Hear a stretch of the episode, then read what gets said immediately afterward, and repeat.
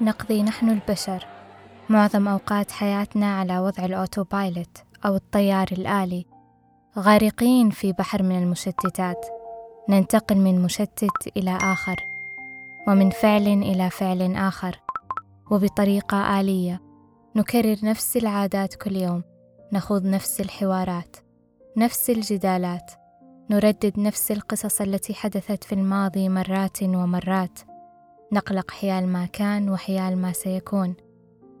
نعيد اتخاذ نفس القرارات الخاطئة ونتبنى بطريقة تلقائية.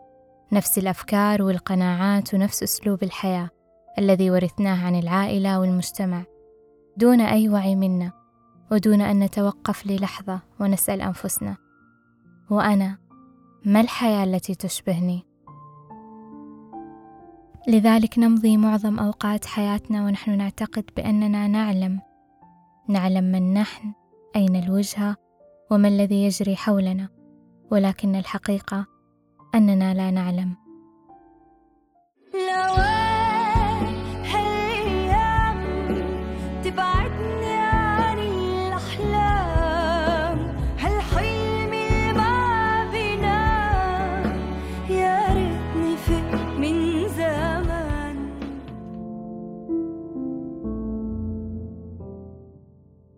قرأت مرة اقتباس يقول: أهم شيء في الحياة هو أن تعرف أهم الأشياء في الحياة، وفي نظري من أهم الأشياء هو مدى حضوري في حياتي، أن أمر بالأيام لا أن تمر بي كما قال شمس التبريزي، فجودة حياتي تعتمد بشكل كبير على مدى وعيي وحضوري خلال اللحظة، هذه اللحظة التي لو كنت فيها أكثر وعي، أكثر حضور، أكثر سكون وأكثر اتصال بذاتي قد تكون لحظة تغيير في حياتي.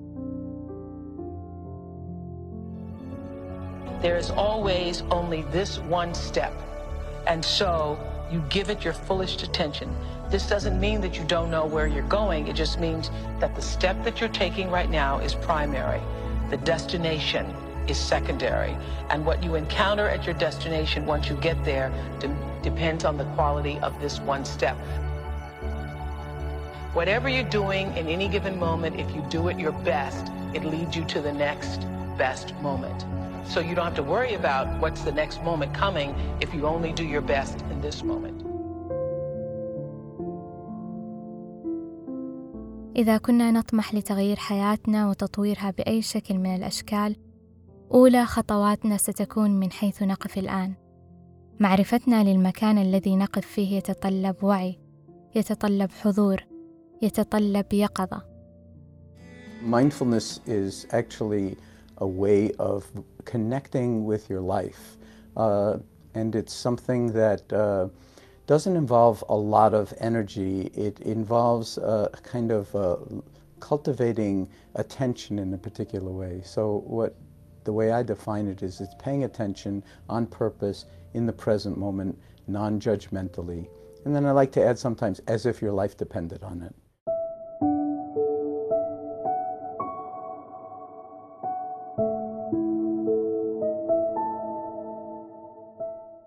Mindfulness أو اليقظة الذهنية هي طريقة للاتصال مع الحياة.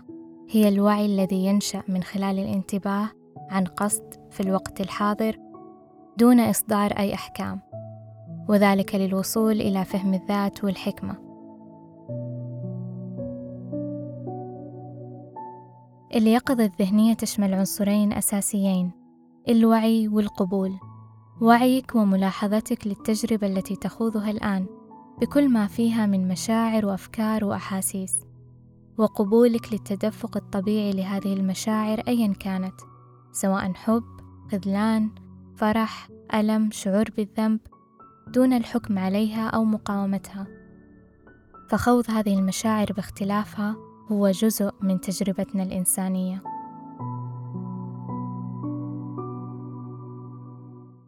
مراقبتنا لتدفق الأفكار والمشاعر ووعينا بها. سيجعلنا نفصل أنفسنا عنها ونراها من زاوية مختلفة وتحت ضوء جديد. وعندها لن نأخذ أفكارنا بجدية خاصة السلبية منها سواء كانت عن أنفسنا أو عن الآخرين. وستكون لدينا القدرة على التحرر من الصوت الناقد داخلنا ومن القصص الماضية التي نرددها باستمرار. وسندرك أنها فقط مجرد أفكار ومجرد قصص. Uh, when you see that you're not your thoughts or your emotions, then you have a whole palette of different ways to be in relationship to those thoughts or emotions.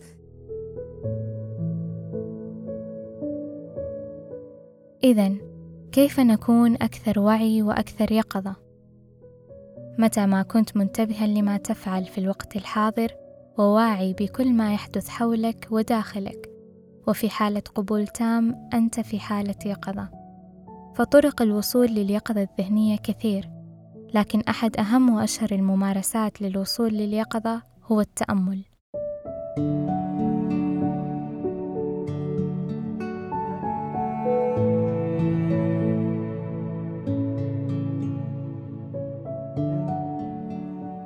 التأمل يعد وسيلة لتهدئة سرعة الأفكار في عقلك وتخفيف زحامها فالدماغ مثل العضلة كلما تم تمرينه أكثر كلما زادت قوته. فكلما مارست الحضور والوعي وكلما مارست التعاطف الذاتي والقبول كلما نمت هذه العادات لديك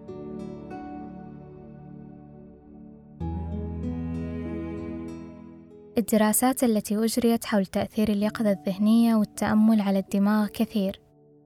أشهر هذه الدراسات هي دراسة أجريت في جامعة هارفارد فبعد إخضاع المشاركين لبرنامج تأمل مدته ثمان أسابيع لاحظوا بعض التغييرات على الدماغ أهمها زيادة في خلايا القشرة الأمام جبهية وهي المنطقة المسؤولة عن صنع القرار، التحليل، وضع الأهداف والتعبير عن الذات.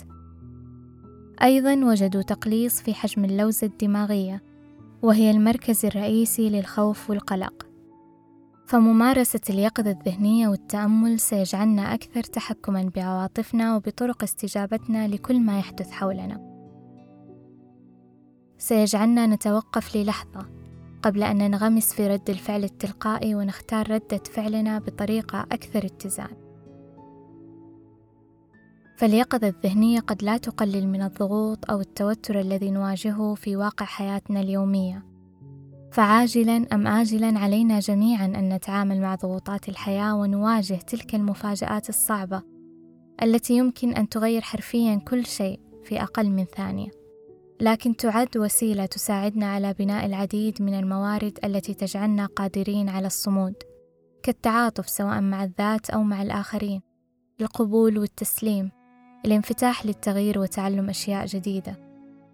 تساعدنا على التعافي من الصدمات بشكل أسرع والتأقلم في المواقف الصعبة. وهذا ما يطلق عليه علماء النفس المرونة.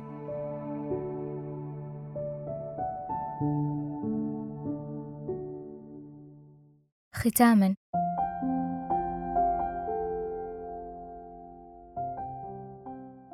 ما جدوى الحياة لو كان الغرض الدائم منها هو الوصول لمرحلة ما في المستقبل؟ ولو وصلنا لها نريد الوصول لنقطة أخرى. وكأننا في سباق لا ينتهي.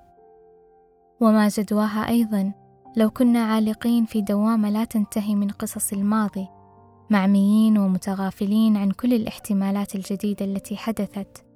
أو يمكن أن تحدث. الآن. يا قصص من بالك شيلينا